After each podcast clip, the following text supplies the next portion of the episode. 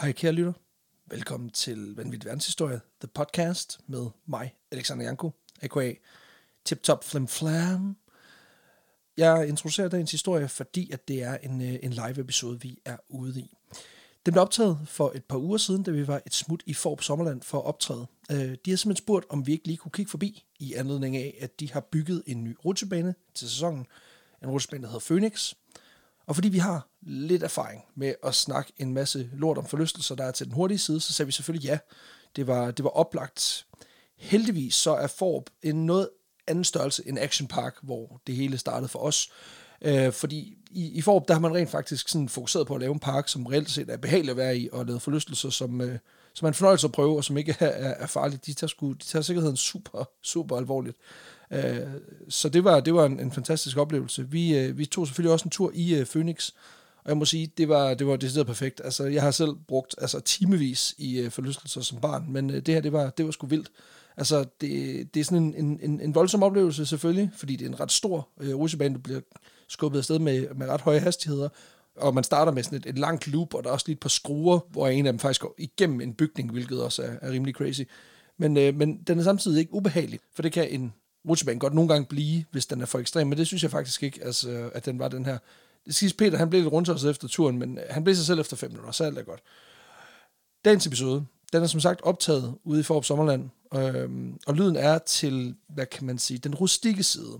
Altså ikke på den der vores første live show måde. Faktisk så er det til at kunne høre, hvad vi snakker om. Det er bare for at sige, at vi er et sted, og det kan man høre.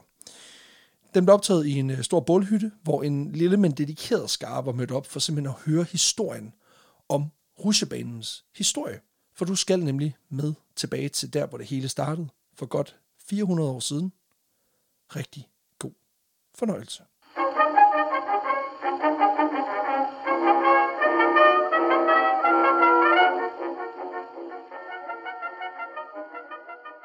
Vi har fået øl i glasset, og det, er, øh, det gør vi jo hver podcast. Og i dag er det fra Cold Hawaii, lidt lokalt øl. Syrnet, så vidt jeg forstår, med blandt andet solbær. Ja. Det, er, ja, det, er jo, det bliver brygget vist nok op i Tisted. Så, øh, og nu sidder jeg... Okay, så det er ikke det, er ikke det rigtige Cold Hawaii. Nej, nej, altså det er ikke sådan, de har været ude i blæsten og, og samle solbær, øh, selvom det er det, de gerne vil fortælle os. Nej, nej, det er bare brygget på en iskold ståltank i Tisted. Simon Kvam har ikke været i nærheden af det her. Nej, han har kigget på det. Det er nok. Nå, men skål. Ingen af jer drikker, så det er jo også bare snyd. Men øh, vi drikker. Nå. Jamen, øh, som sagt, det er jo sådan lidt en uvandt ramme for os, og det, øh, det bærer det her jo også lidt præg af. Det bliver meget mere intimt og meget mere, øh, hvad man siger, løssluppent. Men det er mig, der har en, øh, den, den første historie her med. Ja. Jeg vil tage med tilbage og fortælle the origin story, fordi vi har jo tidligere snakket om, hvad man siger, forlystelsesparker i vores podcast. Øhm, hvor vi har snakket om, om Action Park, et sted, hvor folk var rimelig vanvittige, og det her med, med sikkerhed, det er ikke lige bare en ting, man rigtig kørt med. Øhm, modsat her, hvor det virker til, at der, der mener man det faktisk alvorligt, hvilket jo er meget, meget betryggende. øhm, og det er også standarden i dag, at man ligesom tænker på sikkerhed, og rent faktisk gør tingene ordentligt. Øhm, men der var en tid, hvor kan man sige, det var lidt mere løsluppent. Altså, var, hvor, hvor der herskede en pionerånd, og det var mere håndholdt, det, vi, det, det man rullede med. Og hvor rammerne for, hvad man kunne, kunne tillade sig at gøre, var noget bredere.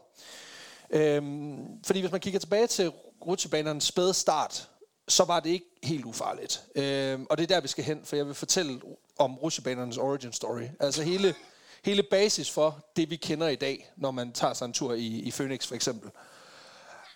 Det er ikke en super drabelig historie, øh, hvilket man måske skulle have foranledet til at tro, men det, det er, er bare roligt. Der, der, der er også nogen, der...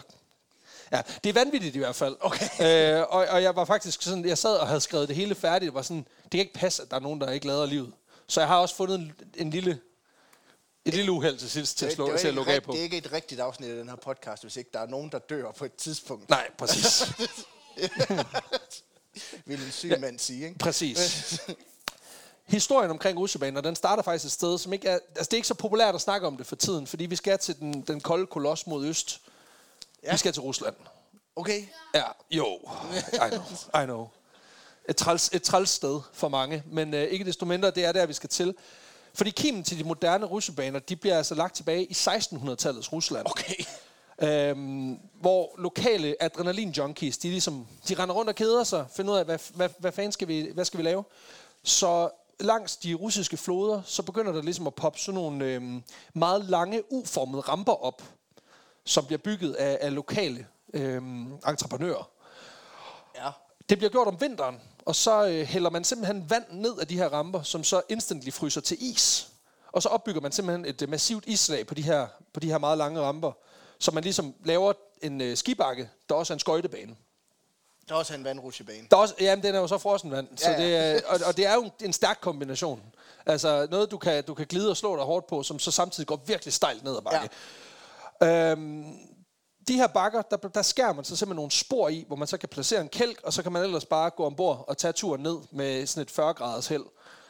Okay. Øhm, Simpelthen gå Jamaica på den. Fuldstændig, Og så, øh, fuldstændig. Og nu siger jeg, at det var en kælk. Øh, De første kilder beretter om, at de her kælke Ja. egentlig mest bare var en isblok, man havde fundet et sted.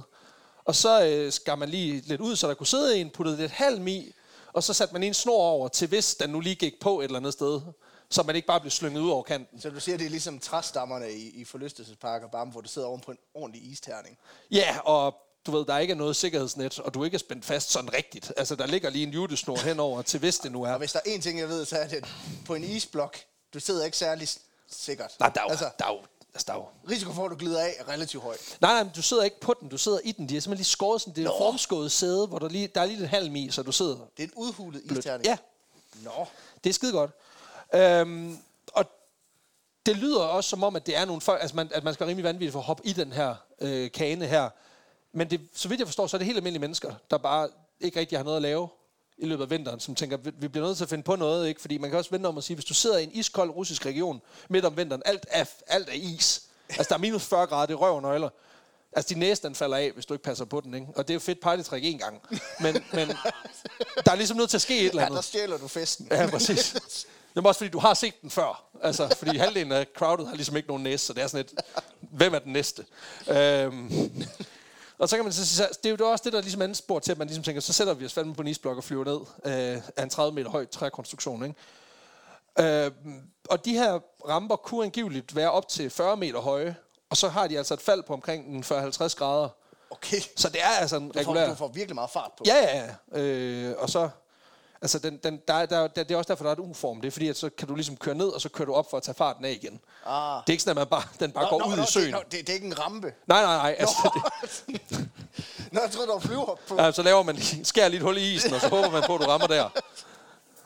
Nej, nej, det er trods alt... Altså, den, den, den, nej, selvom at der nok er nogen, der har taget turen ud. Øh, det har nok ikke været meningen. De her tårne, de popper op langs især de russiske floder, fordi man ligesom skulle bruge ret meget vand for ligesom at få, få lagt islaget ordentligt på. Og trenden den når også til de større byer.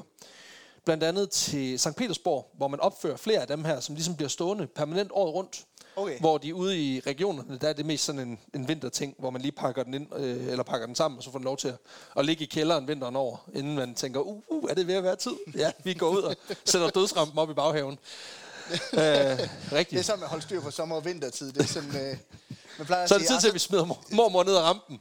Så ved vi, så er vinteren kommet. Der er en god huskeregel, der siger, at sommertid, så sætter man havemøblerne frem. Ja, præcis. og vintertid, så, her der er det så bare er vintertid, så, sætter du dødsrampen frem. Lige præcis. Og så, så pakker du den væk igen. Præcis.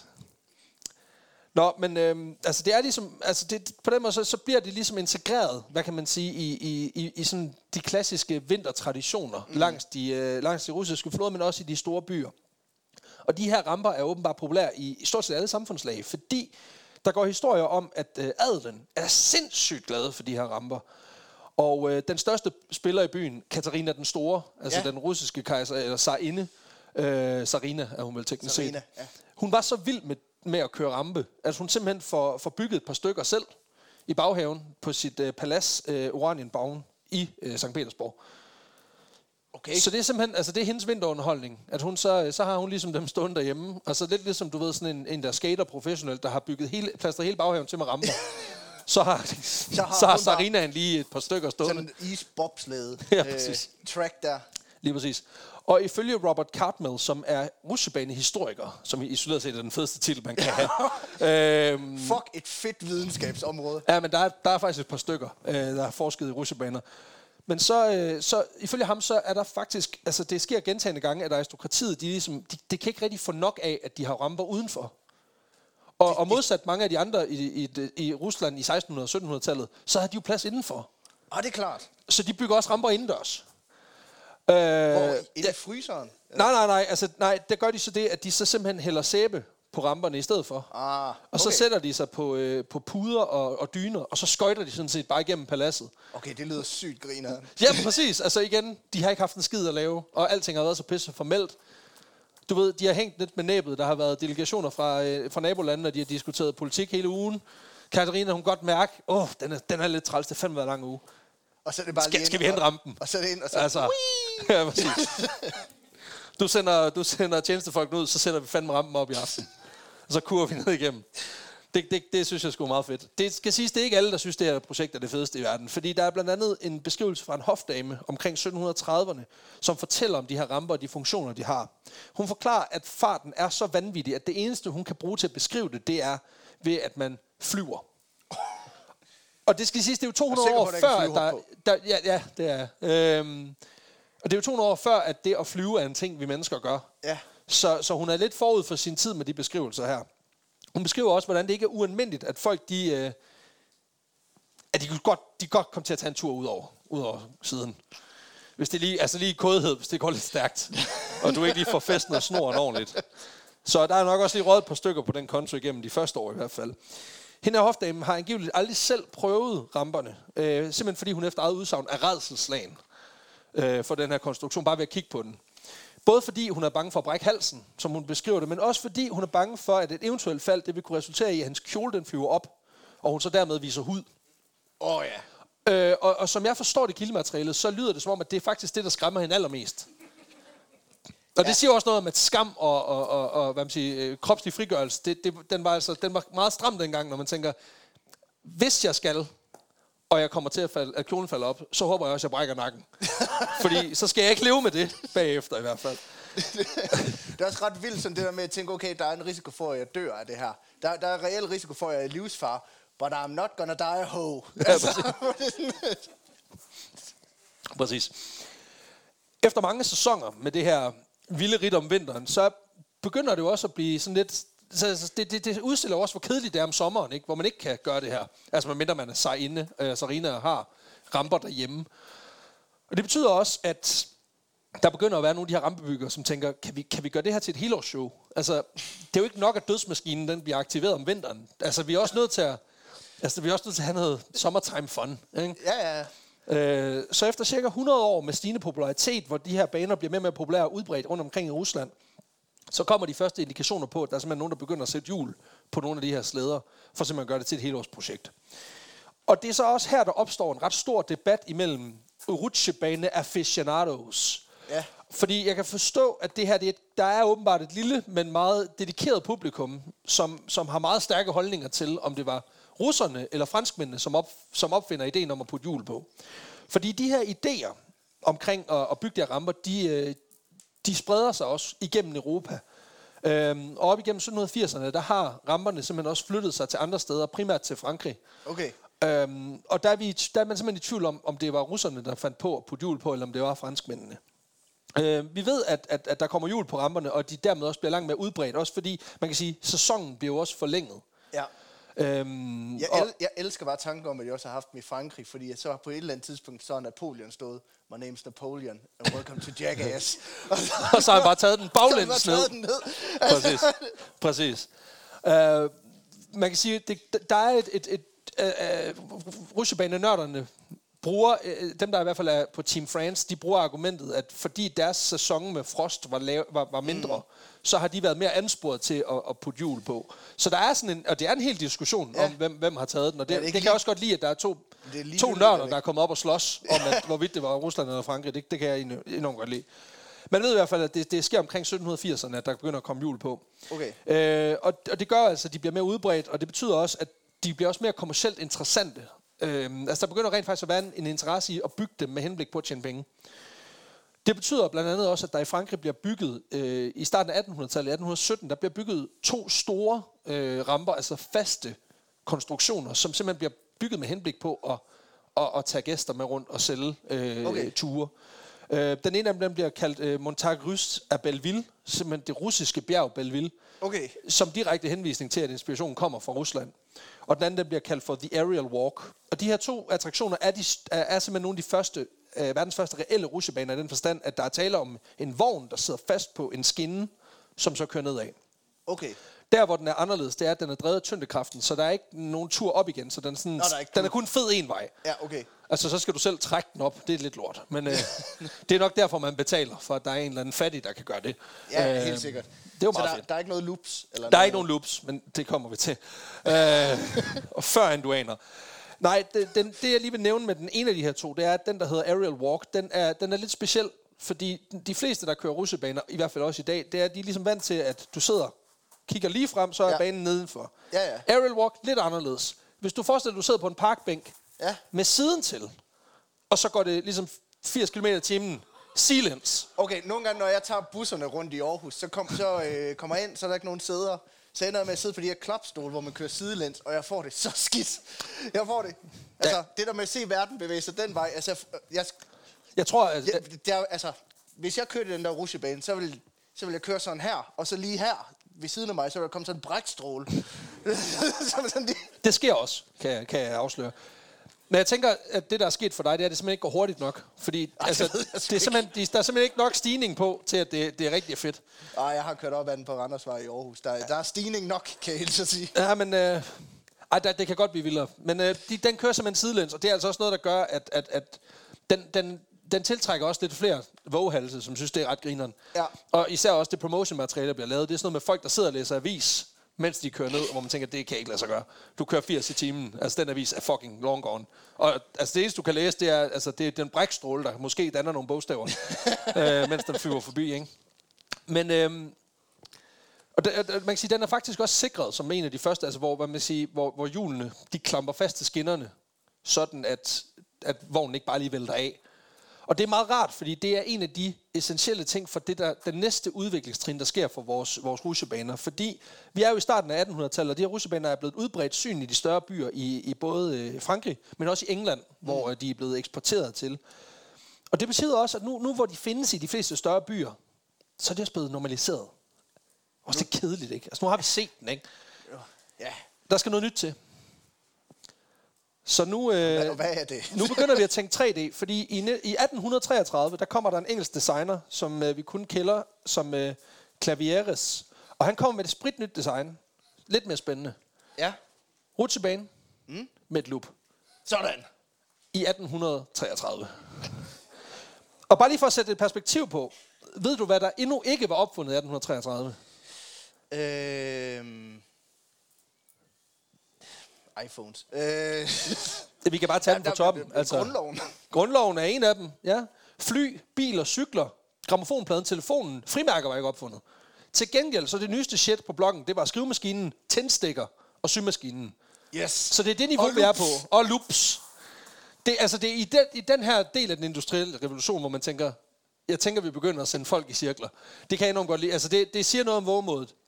Øhm, retmæssigt skal det sige, at, sige, at det her design fra 1833, det bliver ikke lige gjort til et, altså det bliver ikke, det bliver ikke gjort ægte, fordi man kan simpelthen ikke udføre øh, den her teknologi helt endnu. Så han er sådan lidt en fremtidsforsker.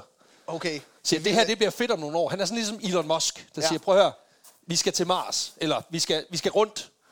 Det er ret vildt, at loops på rutsjebaner, det er science fiction for dem. Jamen det er det, men der går også kun 10 år, før at, øh, det bliver en ting. Nå, okay. øh, fordi 10 år senere, i 1843, der laver ingeniørerne Hutchinson og Higgins, de bygger en rampe med loop, som de så turnerer rundt med i de større engelske byer. Og princippet er egentlig ret simpelt. Du har første del, som er øh, et meget højt placeret. Det går stejlt nedad, Ja. opsamler fart, så kommer loopet, hvor din fart og centrifugalkraften ligesom sørger for, at du kommer igennem uden at falde ud. Og så er der ligesom en opadgående rampe, som ligesom tager farten af Ja. til sidst. Så det er en meget hurtig oplevelse. Men det er også en meget vild oplevelse i, i Men de rejser så 1843. rundt med den. De rejser simpelthen rundt, så, det, ja, så den kan skilles ad. Den Dalgårds Tivoli. Det er, dejl, det er Dalgårds Tivoli, ja, bare i 1840'erne, ja. Okay. Det er ikke en skræmmende tanke overhovedet. Bortset fra, at den, den går ikke ind i din hjerne. Det er bare sådan, hvis du falder af, så, Så, kan man så, kigge går, ind i så, din går din hjerne. så går din hjerne ud, ud af din krop. Ej, det- Det er på den måde en out-of-body experience. Ja. I den forstand, din sjæl forlader din krop, hvis du... Ej, det var ubehageligt. Ja, det, jamen, det er, det, det er en skræmmende tanke, men altså, jeg kan love dig for, at, at, at lige da den kommer, der er det fedt. Altså, hold kæft, hvor skal folk bede om det. Men den her idé om loops, den er de ret vilde med, også i Frankrig. Så Ja. tre år senere, der bliver den første permanent, altså den permanent byggede loopende rutsjebane. Øh, den centrifugale railway, den bliver simpelthen sat op ja. Ja. i Normandiet, hvor den ligesom får lov til at, at, at, at sende folk på, på rundtur. Og det er bare sådan lidt, altså jeg tænkte, 1846, det, altså det, det er fandme længe siden. Det er altså det er, tre år, siden, det er ja. tre år før grundloven, ikke? Og bare den der tanke om, at altså forestil dig, du står i 1903, kigger på Wright-brødrenes fly, der er lavet af pap og brædder og sådan lidt, og de spørger, vil du have en tur? Og man er sådan lidt, nej. og så skal du gå 60 år bag i tiden, Ja. og så kan du sætte dig ind i en loopende rutsjebane. Det, det virker fucked up. Altså, jeg ville i hvert fald ikke gøre det. Eller det vil jeg, for jeg jeg er idiot, ikke? Men, men jeg, vil, jeg vil nok gøre det. øhm, de her loops bliver talk of town ret hurtigt, og lignende baner begynder ligesom at blive bygget andre steder i Frankrig efter samme model. Forskellen er, at loopets diameter varierer. Altså, hvor stort Okay. et loop snakker vi? Så loopet bliver større Ja, i tiden. ja faktisk også lidt mindre, for den første, der kørte de et loop med en diameter på 4 meter. Okay. Men der er også modeller, hvor loopet kun er lige omkring 2 meter. Så du slår Det- næsten hovedet i, i, i uh, sporet, når du er på vej rundt. Yes, altså hvis du står op. Jeg tror ikke, man kan tage den stående. men, men ja, det er en... Du kan det er tage en- er Præcis, præcis. Det er en meget lille cirkel, og det, øh, det er også lidt et, øh, et problem, men det kommer vi til. Øhm, der er mange, det, altså på mange måder der er de her loops også nyt territorie. Altså man ved ikke, hvad man laver. Det er urforskning, der foregår her. Og det ja. Betyder også, at man bliver nødt til at testkøre de her baner i takt med, at de bliver bygget, inden folk de simpelthen får lov til at gå ombord. Fordi, også fordi det er relativt dyrt, hvis du slår en ihjel i en, Ja, ja. en, en rutsjebaneulykke. Derfor er der kilder, der fortæller om, hvordan de her banebyggere, de prøver med alle mulige ting, de lige stopper i vognen, for lige at se, overlever det. Og der er, sådan, der er de normale ting, det er sådan noget som sandsække og vandkar og æggebakker, for at se, om æggene bliver smadret. Og så er der også lige en kilde, der peger på, at de på et tidspunkt øh, i Frankrig, da de skal teste en af russebanen, der smed de skulle lige en abe ned i, for lige at se, om, om den, lige, om den klarer okay. Skærene. Og der, det er bare sådan lidt, altså når man tænker på, at rumhunden Leica, det virkede lidt fucked up, at man gjorde det. Ja. Men det er en meget lang tradition, vi har for at Ja, for- udsætte for at dyr for vanvittige ting. Ikke? Ej, hvordan går det så med den? Jamen, den overlever. Nå, så alt er okay. godt. Nå, nå. Nej, det, er jo ikke, det er jo ikke dyrplageri, hvis den ikke dør. Nej, så er det science. Isoleret set vanvittig sætning, det kan jeg godt høre nu, men, men jeg står ved Ja, den. det der forskellen går på videnskab og, Og, og og, og galskab. Ja, Præcis. hvis det går Øhm. godt, så er det videnskab. Præcis. Nu har vi så fået bygget en del af de her loops, og det er jo en eksotisk øh, attraktion også, fordi man kan sige, se om du overlever. Aben gjorde. Den er fed.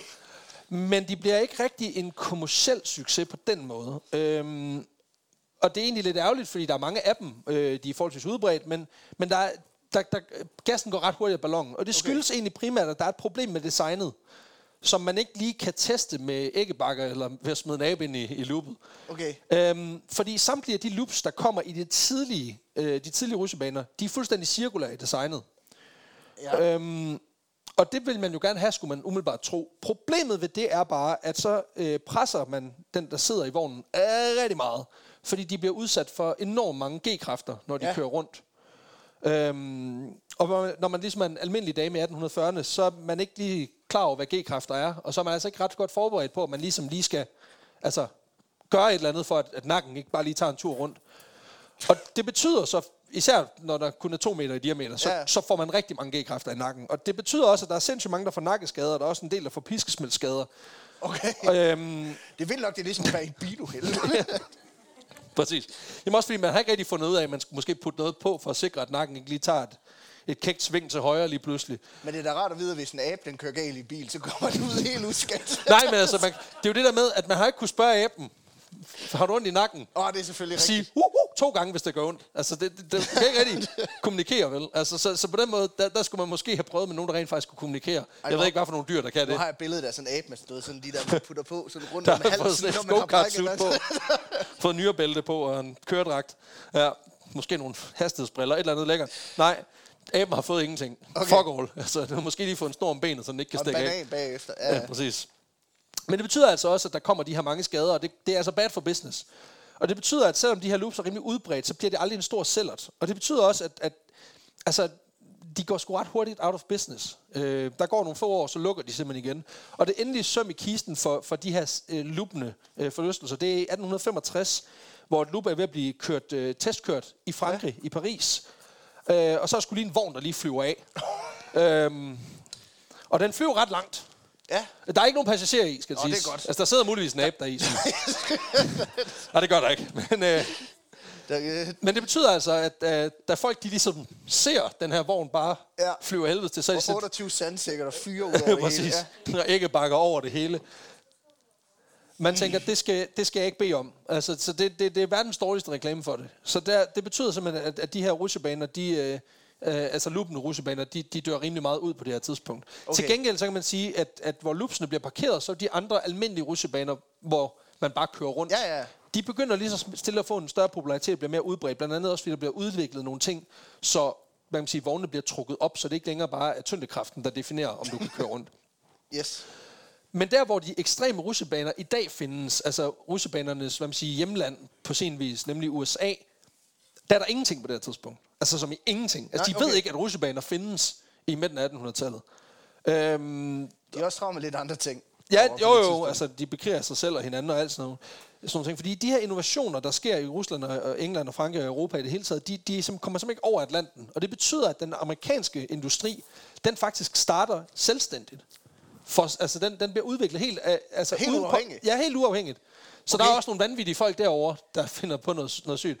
Um, det, det, det, foregår også, det sker også et helt andet sted, men det starter faktisk også med forsøgsdyr Okay. som er meget heldigt. Fordi i Pennsylvania, der er der et, øh, et, øh, et, sådan et kulminefirma, som øh, op igennem 1800-tallet driver en, en række kulminer.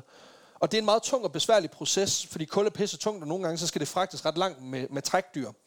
Og derfor så åbner øh, øh, firmaet Lehigh Coal and Navigation Company i 1828 en, det man kalder for en switchback railroad, som simpelthen er en, altså en revolution inden for kulproduktion, i den forstand, at man laver simpelthen en jernbane, der går op og ned af et bjerg. Okay. Fordi så kan man simpelthen øh, trække de her tomme kulvogne op på toppen Ja. af bjerget, fylde dem, og så kan man simpelthen lade tyngdekraften køre hele måden ned igen. Smart. Det er rigtig smart. Øhm, man får ligesom muldyr til at trække vognene op. Nå, de kan ikke køre selv. Nej, de kan ikke køre selv. Nå, det er ikke sådan redstone. Og Nej, så, øh, nej, det er nå. ikke... Øh, så, på den måde, der er Minecraft meget urealistisk. Desværre. Øh, nej, men man får simpelthen muldyr til at trække dem op, parkere vognene, så bliver kullet fyldt på vognene, og så tager man lige muldyrene, og så smider man lige dem ind i de bagerste vogne. Jamen, de skal da ikke gå ned. De skal da have noget ud af det. Og det betyder simpelthen, at de får, de får simpelthen lov til at være passagerer på de her, øh, på de her 300 meters fald, som, øh, som den her Ja. øh, jernbane har. Og det, Ja. og det er simpelthen øh, det, der også gør, at mange entusiaster de mener, at det, her, det er den første rutsjebane i, i USA's historie. Simpelthen fordi, at der er passagerer. Det går nedad. det er fedt. Jeg har ikke kunne spørge muldyrene, om de synes, det var fedt, men, men, men jeg kan se den hiår rigtig meget ned ad bakken. Ja. Så jeg tror, at den, den, den, den indikerer, at den synes, det er griner. er Eller den er skrækslagen. Den har ikke fået noget piskesmæld. Nej, ned, det, det, det ved okay. jeg selvfølgelig ikke. Du har ikke spurgt den jo, kan man sige. øh, men der går noget tid, før at, at, at der kommer passagerer på. For der skal Ja. ja. faktisk gå cirka 50 år, før at øh, i 1880'erne, at der er nogen, der, der, der rent faktisk laver et passagertog. Og det er faktisk et lignende setup, fordi det er et kulfirma, som har, et minefirma, som har lavet en lignende model.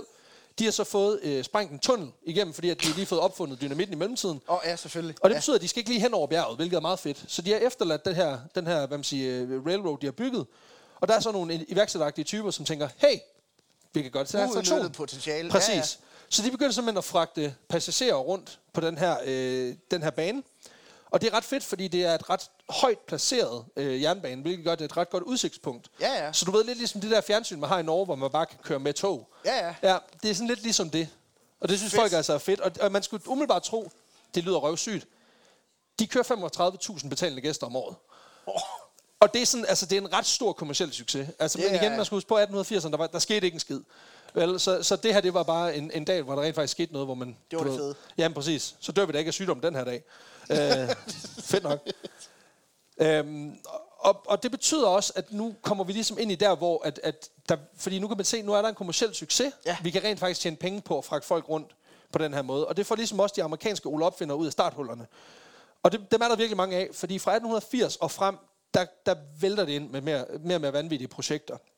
En af de mest prominente spillere på markedet, det er en fyr, der hedder LaMarcus Thompson, som er sådan en rigtig opfindertype. Han, øh, han var fix på fingrene allerede som dreng. Han konstruerer forskellige ting i træ til hjemmet. Altså, han bygger sådan en øh, smørkerne til sin mor, og bygger nogle, Okay. nogle vogne til sin far, og hygger sig rigtigt. Han er rigtig god sløj. Han er skidegod i sløjt, og da han så øh, bliver, øh, altså bliver voksen, der udvikler han simpelthen sådan et rigtigt iværksætterprojekt, hvor han bygger et, øh, en, en fabrik, der laver strømpebukser, og tjener, altså han tjener en tumpe masse penge Okay, han har, på det simpelthen her set, han har set et hul i markedet for strømpebukser, der er øh, totalt uudnyttet. potentiale. Lige åbenbart. Han, øh, han bygger i hvert fald den forretning op og tjener kassen på det. Så meget, at han kan trække sig tilbage, da han sælger den. Øh, og så f- står han jo ligesom der og skal ligesom finde ud af, hvad skal jeg med mit liv? Hvad Ja. giver mening? Skal jeg finde på noget kreativt? Skal jeg gå i gang med at male? Hvad, hvad skal jeg? Det er så, at kommer ind i billedet. Man tænker, det bliver rutsjebaner, jeg dedikerer mit liv til. Og det er simpelthen noget at gøre med, at han i 1880'erne er på besøg i Pennsylvania, hvor han oplever, hvor fedt det er at Ja. blive færget rundt. Så han tænker, det må kunne gøres federe. Så han øh, begynder ligesom at lave lidt tanker, slå lidt streger, lave nogle beregninger, sådan, sådan, sådan. Og øhm, så udvikler han simpelthen en, øh, en rutsjebane. Altså sådan ja. en virkelig slatten rutsjebane. altså sådan en, der kører meget langsomt. Men han flytter den fra Pennsylvania til Coney Island i New York. Ja, Og der har de aldrig set noget lignende. nej, nej. Og det er Så- det vilde sted i New York. Præcis. Øhm, så, så, og, og det er rigtig fedt. Og hvis man skal tro på nogle af kilderne i det her, så er hans motivation ikke bare, at han skal finde på noget at lave. Fordi, ifølge øh, i hvert fald to af kilderne, så gør han det her, fordi han gerne vil holde, holde folk, fra, øh, folk fra at gå i fordærv. På det her tidspunkt, What? jamen det er fordi, på det her tidspunkt er ikke noget, der hedder forlystelsesparker. Nej, Så det folk forlyster sig, øh, forlyster sig med, det er sprutter damer. Altså, det er simpelthen, de går ud og drikker sig fulde, og Ja. så, så, så boller de. Og det er noget, satan har skabt. ja, det er ja. Præcis. Og jeg ved, hvad du tænker. Det er- Men, men Alexander, hvad er det bedste instrument til at hive folk ud fra det der drikfældige, liderlige, satans røde klør? ja. Svaret er, slat en rutsjebaner. Centrifugalkraft. Nej, ikke engang. For det er der ikke i spil Nå. her. Det er endnu mere langsomt. Altså, Nå. det er, det er det der tog. Det er Pony Expressen, du altså, det, der skal ikke mere til. Det er trods alt stadig 1880'erne. Altså igen, de, folk, bliver imponeret meget lidt. Det er vildt nok, at du kan tage sådan det der, du kan, du kan tage børnetoget, og så nå frem til konklusionen, at det der sprutter damer, det er ikke mig. Ja, det her, det, Det er her. fedt. Jeg troede, gin var fedt, indtil jeg kørte 6 km i timen. Så fandt jeg ud af, det, det kan sgu noget. Det betyder, at han i 1884, der åbner han simpelthen verdens, altså den første store rutsjebane på amerikansk jord på Coney Island i New York. Og den får også navnet Switchback Railroad, øh, simpelthen fordi den kan køre rundt. Ja. Stille og rolig rutsjebane. Øh, den går op og ned. Øh, men det er alligevel ret spændende i 1884. Og det betyder simpelthen, at den bliver en gigasucces. Okay, Altså, han har tusindvis af folk, der står i kø, altså nærmest døgnet rundt, for at få lov til at prøve det her. Igen, det siger også noget om, hvor lidt der skete på det her tidspunkt. Han tager en cent per tur, men tjener flere hundrede dollars om dagen. okay. Så det, det, altså, det er booming business, det her. Senere åbner han en række lignende Kører baner. man, kører man mange? Eller kører Ja, man ja, ja, alene? det er sådan okay. et sæt, hvor man kører måske seks, øh, øh, fire eller seks vogne, Okay. hvor der kan sidde fire i hver. Så man har noget at dele oplevelsen sammen med. Øhm, senere åbner han en række lignende baner rundt omkring, hvor han øh, blandt andet også får malet, du ved, sådan nogle landskaber. Så man ikke bare kigger ud på det, der er, men sådan kan forestille sig, at man er et andet sted. øh, det kan være, altså, alberne, Inka-templer kører han også. Ja, Hoth, Arrakis, alle de fede. Du, ved. Så du kan jo forestille dig, altså, tænk det, og så kan han lave det, ikke? Og det, er altså, det synes folk er altså ret fedt. Øh, og det betyder også, at Lamarcus at han får det fedeste tilnavn. Han bliver nemlig tituleret som The Father of Gravity. Jeg ved okay. ikke, om det er, fordi han er den første, og de er bare sådan, den, der kommer først, får titlen. Men det er, det er et ret fedt navn for at lave røvkedelige rutsjebaner. For hans rutsjebaner er røvkedelige, Peter. Jamen, han, han er tyngdekraftens far, fordi de rutsjebaner, de stiger overhovedet ingen steder hen. De kører bare. De kører bare helt plane. Ja. Ja. Men heldigvis er vi også nået nu til guldalderen for rutsjebaner, og det betyder, at det også her vanvittigt for alvor eksploderer. Ja. Ja. Fordi nu bliver der opfundet mange ting, som også forbedrer sikkerheden og vognenes sikkerhed generelt. Og det betyder også, at man kan være mere kreativ, når man designer rutsjebanerne. Blandt andet bliver der bygget sådan nogle, hvor der kører to parallelle spor, altså hvor der er to rutsjebaner, Ja. ja. hvor man timer det, sådan at man lige et stykke tid, der kører man parallelt med nogle andre. Og det er meget fedt. Så man lige kan flytte fingre, og så lige få revet armen af, når de andre de drejer, Ja. ikke? Det er et tænkt eksempel, i øvrigt. det er det er ikke mig, der har fedt. fundet på det. Øhm, og det er så nu, de også begynder at bygge loops. Og det er her, vi lige hurtigt skal snakke om øh, den anden, en anden rutsjebanedesigner, der hedder Lina Beecher. Fordi han er ligesom den diametrale modsætning til Lamarcus Thompson. I den forstand, at han, laver, han er en kæmpe innovatør. Laver Ja. nogle sindssyge ting. Han bliver bare på ingen måde anerkendt. Han bliver hverken rig Nå. eller berømt på det her. Øhm, fordi Lina Beechers største opfindelse, The Flip Flap Railway. den bliver på ingen måde en kommersiel succes. Uh, Beecher, han er indfødt New York og beslutter sig ret sent i livet for at blive rutsjebane-designer. Men fordi han ligesom kan se, at der er penge i det her, fordi mm. han har set, øh, hvad hedder det, Lamarcus Thompsons succes i 1880'erne, så går han i gang med at designe det her loop. Og i 1895, der står han så med Flip Flap Railway. Meget simpel rutsjebane, 7,5 meter øh, loop i diameter. Og loopet bliver selvfølgelig testet. Ja. Sandposer. Også en abe. og det, det her jeg er Hvor nødt får de alle de aber fra? det er også derfor, det er vigtigt at pointere. Det har intet at gøre med det, der skete i, Europa. Så han har altså separat konkluderet, hvad er, tæt, hvad er tættest på et menneske? Jeg kan jo ikke putte et menneske herinde. Det virker sindssygt. Men jeg kender en, der har en zoologisk have. Der var en eller anden abe-avler et sted, der Jeg- bare har fået overbevist hele rutsjebaneindustrien om, at den bedste crash test dummy, det er, Jeg tror, han kører dem på en eller anden form for leasingkontrakt eller et eller andet. Hvor, sådan en form for daglejer. ja, hvis I ikke får den tilbage, så får I heller ikke depositum tilbage. Sådan er det. Nå, men han øh, får testet det her, og øh, efter de her tests, så bliver hans forlystelse ret hurtigt solgt Ja. til en forretningsmand, der hedder Paul Boyton, som er i gang med at bygge en decideret forlystelsespark på, på Coney Island. Uh, han bygger faktisk den første faste forlystelsespark, altså som ikke er omrejsende. Okay. Blandt andet, hvor han også har et menageri, altså et, et, et dyrehold. Ja. Og det er simpelthen noget med, at han, han har en fortid som kaptajn på et skib, og kan dermed skaffe hvad man siger, billige dyr fra havet. Lad os være ærlige, det er fordi, hvis han har nogle nye forlystelser, der skal testes, så er det meget rart, at du bare lige har Ja, hvis det er en tung forlystelse, så har han lige en val, han kan smide i. Ikke? Altså, syng, hvis du, hvis du har det skidt. Præcis. Det her loop skal så være en af hovedattraktionerne i hans nye øh, faste forlystelsespark her. Men det viser sig, at folk de får fucking ondt i nakken af at køre med den her forlystelse. For han har heller ikke lært den skid. Fordi han, Nej, har selvfølgelig. han har ikke ringet til kollegaerne over i Europa. Mest fordi telefonen den er dårligt nok opfundet på nuværende tidspunkt. Og, og loopet er altså held, det, det er også cirkulært i Beachers øh, forlystelse her. Og det betyder, at passagererne de bliver altså udsat for op imod 12 G-kræfter, når de kører rundt i hans loop. Og, og bare lige for at sætte en, sådan, en bar for, hvad er det? Det er det, jægerpiloter de skal kunne holde til.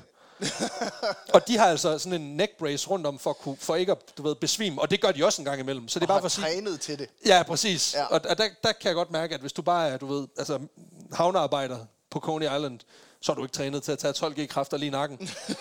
så, så der er rigtig mange, der bliver rigtig ukomfortable ved at tage øh, Linas øh, øh, tur her. Og det betyder, at øh, den bliver ikke et, hverken flip eller flap, den bliver et fucking flop. Altså, den er, det går ikke. Der går fem år, så er den ude. Men det slår ikke Beecher ud. For han tænker, at jeg skal have det loop til at virke. Ja. Og der kigger han så over på en anden Man banebygger. mission, ja. Han kigger på en, øh, en banebygger, der hedder Edwin Prescott, Prescott, som har fundet ud af, at hvis man gør loopet dråbeformet, mm. Så kan du faktisk mindske mængden af G-kræfter, så folk ikke knækker nakken, når de kører. Okay. Og det er ret fedt. Øhm, og det er det, Beecher så går videre med, da han bygger sin næste store rutsjebane, som han bygger til en flyttelsespark i Ohio. Og selvom folk de ikke længere får piskesmæld af det, så skal de altså stadig ikke bede om det. Øh, så der går ikke så mange år, så bliver hele forlystelsen, og dermed også, og parken faktisk også lukket. Øhm, Beecher han prøver en sidste gang i 1901, da han forsøger at sælge en, en looprutsjebane til The Pan American Expedition i, i Buffalo, som ja. er sådan et, øh, altså det er simpelthen sådan en, en udstilling, altså ligesom sådan en Okay. verdensudstilling. Øhm, men de har åbenbart hørt rygterne om Beechers øh, loops. Så de kigger på den, ser hvad han har at byde på, konkluderer, du er fuldstændig vanvittig, og så beder de ham om at forlade det her område og aldrig komme tilbage. og der, der kan jeg godt mærke, det er, jo, det er jo synd for ham. Men altså, Ja. det er gearet. Det lykkedes faktisk heller ikke ham den anden, Edward, Edwin Prescott, at, at lave en, altså, hvad man siger, en rentabel forretning ud af, af loop rusjebanen Øhm, selvom den kører i 10 år, så giver den ikke overskud. Det er simpelthen noget at gøre med, at på de andre rutsjebaner, der kan du smide 25 mennesker ind, de betaler hver, så kører man ja. rundt, og de får pengene. Her, der kan man maks have to med. Og Okay. det gør simpelthen, at du skal have for mange mennesker igennem. Og når du så samtidig skal betale, hvad man siger, retssager til dem, hvis nakke er blevet knækket, Ja. så bliver det ret dyrt i Jeg længden. skulle lige sige, der må være en del erstatningssager, der ligger og venter. Det er der, det er der. Øh, til gengæld så er der stort set øh, godt skub i stort set alle andre forlystelser og rutsjebaner op igennem starten af 1900-tallet. Og det er så her, den her årtier lange penismåling foregår med, hvem bygger den vildeste og den største rutsjebane. Især op igennem 1920'erne, hvor folk er fucking crazy i forvejen, fordi du ved, ja, altså ja. det økonomiske opsving Det i USA er vanvittigt. Ja, ja. Så bliver der bygget vildere og højere rutsjebaner. Altså vi snakker 40 meter høje rutsjebaner med altså 80 graders fald, og altså hele måde, det, det går helt græsat. Men inden vi går videre, så er jeg nødt til at lige at nævne den ubetinget vildeste rutsjebane, jeg faldt over. I hvert fald i teorien. Fordi ja, ja, det er vildt at luppe. Ja. Men hvad nu, hvis man forlod skinnerne helt? Det er flyvehoppet, Bare et der øjeblik. kommer tilbage. Ja, præcis. Fordi i 1902, der er der en ung, up-and-coming designer inden for rutsjebanebranchen. En fyr, der hedder George Francis Meyer. Han har noget helt nyt på bloggen. Han gerne vil vise folket på Coney Island. Rutsjebanen den hedder The Cannon Coaster. Og ja. er egentlig på mange måder bare en almindelig rutsjebane. Altså du kører op, ned, mm. rundt, lidt fremad, og, og så kommer du ned ad bakken. Og det er så der, den bliver lidt anderledes. Okay. Fordi du kommer igennem en kæmpe stor kanon, der er bygget rundt om, Okay. om, om rutsjebanen. Og når du så kommer ud af løbet, så er teorien i hvert fald, at så... Så slutter skinnerne. Yep. I hvert fald et par meter, fordi så bliver du grebet igen. Ja. Og så kører du ned på plads. Ja, det gør du indtil der er sidevind, og så gør du... Du har i hvert fald fat i noget, fordi George, han tester det her koncept. Og aberne, de fløj af helvede til. Altså, Han vil i hvert fald virkelig gerne have det her til at virke, ikke? Fordi på det her tidspunkt, der er Coney Island, det er simpelthen the Silicon Valley for rollercoasters. Altså, hvis du kan, hvis du kan lave den næste Twitter, altså, så er du, så er du fucking top med fødekæden her, ikke? Og The Cannon Coaster virker faktisk. okay. I, i nogle gange. Især hvis der ikke er folk i den. Fordi det, der sker, det er... Det er jo de fedeste rutsjebaner. Det er ikke nogen Det passagerer. er også fordi, du, som du selv har påpeget, det er problematisk. Og, og det er simpelthen fordi, det der er problemet, det er, at mennesker, de har en tendens til ikke at fucking sidde stille, når de kører rutsjebane. Ja, ja. Altså, det, du kan ikke bare sidde helt deadpan. Du, du sidder og flapper med armene og alt muligt pis, og det gør altså, at den der vogn, den bevæger sig. og det betyder altså, at den ikke rammer skiven hver gang. Øhm, det skal siges, han prøver ikke med mennesker. Fordi han prøver med noget løs vægt i stedet for. Og det viser sig, at han smadrer utrolig mange vogne på det her. Øh, og det er lidt noget lort, for han har lidt solgt ideen om, at den her, den, den kommer op og kører på det her. Så der er ret mange, der venter på, at den kommer. Men at han simpelthen ikke kan få den, få den lavet. Der går faktisk også nogle rygter om, at der er nogle mennesker, der går til i tilblivelsen. Men, men der er ingen kilder, der kan bekræfte, så det må, vi, må, vi står med en urban legend der. Okay. Cannon Coaster bliver et flop, fordi han lover ligesom, at, at han kan det her, og så kan den ikke en skid, da det kommer til stykket, så er den bare en fesen rutsjebane. Så der går fem år, og så må den simpelthen lukke. Øhm, og det er sådan set, på mange måder, så beskriver det også miljøet omkring rutsjebaner på det her tidspunkt rigtig godt, fordi mm. der er sindssygt mange penge at tjene, hvis du gør det rigtigt, hvis du laver den vildeste rutsjebane. Og der bliver også, altså, der er også dusinvis af parker, der skyder op i det meste af USA, og designerne, de laver landevindinger ved hele tiden at presse grænsen for, hvad der kan lade sig gøre. Ved at bygge nye vogne, øh, højere, vildere, altså hele tiden nye idéer. Men de her udviklinger koster rigtig mange penge. Der er Ja. enormt meget risiko forbundet med det. Og folk forventer konstant nyheder. Og det betyder, at det er skide dyrt at udvikle. Og det betyder også, at rigtig mange af de her rutsjebanebyggere, de brænder nallerne, fordi at lige så snart den er på banen, så går der et år, så er den ikke interessant længere. Og det betyder også, at den økonomiske krise for alvor rammer i 1929, der, øh, der forandrer forbrugsmønter sig fuldstændig. Krigen i Europa gør det ikke bedre, og det, det lukker simpelthen fuldstændig ned for aktiviteterne i den her branche. Forlystelserne og dermed rutsjebanerne, de begynder først at komme i, øh, tilbage i 1950'erne. Blandt Ja. andet ansporet af en vis tegnefilmsentusiast med nogle lidt mærkelige venner, der åbner en park ude i, i Anaheim, baseret ja. på hans øh, univers af Mus. af mus og, og ender og sådan noget. Og op igennem 60'erne og 70'erne, der sker der massive investeringer, og, og det er så der grundstenene til dem, de forlystelsesparker, vi kender i dag. Okay. Øhm, og selvom der selvfølgelig sker uheld fra tid til anden, det viser vores øh, episode om Action Park jo også, øh, så er branchen generelt blevet mere sikkerhedsbevidst. Og på den måde er vi egentlig nået til, altså, hvad man sige, enden på det meste af historien Ja. for i dag. Men vi sidder også tilbage med en historie, hvor der ikke er nogen, der krasser af. og det synes jeg var lidt ærgerligt. øh, Måske en abe. vil en syg, vil en syg mand sige, som, også, som også er mig. øhm, så, så jeg tænkte, jeg var lige nødt til at vende en rutsjebane, Ja. som faktisk på teoretisk basis har det ene og alene formål at tage folk af dage. Fordi i 2010, der skaber den litauiske kunstner og phd studerende Juli Jonas Ubonas ideen til en rutsjebane, der kan slå folk ihjel. Okay. Ja. Han laver en, rutsjebane, som ifølge ham er bygget som en dødsmaskine, der kan sende folk ind i efterlivet med elegance og eufori. Ja, så, okay. Jeg kan Så- godt se, han har, tænkt, han har tænkt meget at lave en god pressetekst. Så han har ikke designet til, at kjolen de blæser op, og du dør like a hoe. Øh, nej, og, og, og, og, og du dør af skam. Nej, den, den her, den slår dig faktisk ihjel. Banen den er 7,5 km lang og består af en meget stejl stigning. Ja. Op til 500 meters højde. Og så slutter skinnerne, og så... nej, nej, det er bedre end det, fordi så tager man et drop på cirka 90 grader. 500 ja. meter ned, og så når man topfarten på 360 km i timen, og så slutter man lige af med syv loops i streg. Som starter som stort loop, ender med et meget lille loop. Så hvis du ikke brænder op på vej ned... som meteor i atmosfæren. Nej, ideen er simpelthen, at de her ret skarpe loops, de giver cirka 10 G-kræfters påvirkning. Og så kombineret med den høje hastighed øh, og lange afstand. Øh, ja. Ja. du, kører, du kører jo 500 meter her, og så 6,5 km herned. Ja, Det gør simpelthen, at folk de er ude af stand til at få ild til hjernen. øh, og det gør simpelthen, at folk de besvimer, og ikke får ild til hjernen i cirka et minut, og så dør folk simpelthen. Mens de griner. Øh, ja. Og det, der så sker, som jeg synes er ret fantastisk, det er, efter de her syv loops, så kører vognen helt lige så stille, så drejer den lige af til højre, og så står der noget personale af en eller anden art, som lige er klar til at hjælpe folk ned i kisten, så vi kan komme videre, ikke? altså nu diskuterer man jo meget aktiv dødshjælp, og hvordan kan man gøre, og hvis det skal indføres, hvordan kan man gøre det på en human måde. Det der. Det er jo faktisk det, der er hele tanken her. Fordi den bliver døbt The Euthanasia Coaster. Okay. Altså, det er en, en, en, rulle, altså, det er en rutsjebane til aktiv dødshjælp. Altså, det er simpelthen ja. det, der er tanken. Det er, at han vil lave en måde at, at gå ud på, som, som er lidt federe, end at du bare skal, skal ligge et eller, andet, et eller andet kontor i Schweiz. øh, så kan man i mindst komme frem med, med fuld honør, ikke? Og der er en grund til, at den her øh, øh, rutsjebane ikke er blevet bygget. Øh, ja. Øh, der er flere grunde. Øh, den første er, at øh, den er tre gange så høj som den nuværende højeste rutsjebane i verden. Så du, det, det er fysisk stort set umuligt at bygge den. Øh, for det andet, så tror jeg, det er ret svært at finde et sted i verden, hvor du kan få lov til at bygge den. og så for det Og tredje, det er så... svært at skaffe aber til forsøget. Præcis. Og så tredje argument, det er, at øh, Jules Jonas her, han, han er ret vild. Altså, han, øh, han har blandt andet tidligere erklæret sig som stifter af Litauens eget rumprogram. ja. Og der vil jeg bare lige sige, fans af podcasten ved, at det er et fucking red flag, når folk de påkalder sig at have, startet deres eget rumprogram. Øh, men teorien skulle altså være god nok. Altså, at du simpelthen kan lave en rutsjebane, der er voldsom nok til det her. Okay. Øh, så det er jo bare om at komme i gang med byggeriet. Jeg ved ikke, om kan det noget? Næste års nyhed herude. Jeg ved ikke, om...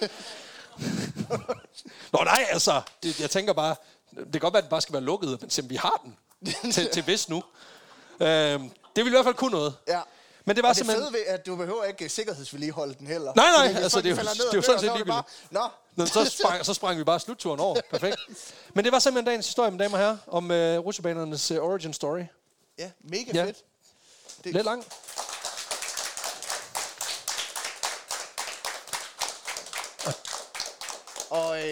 tak fordi I gad lytte til os. Ja. Og fortsat god dag. Ja.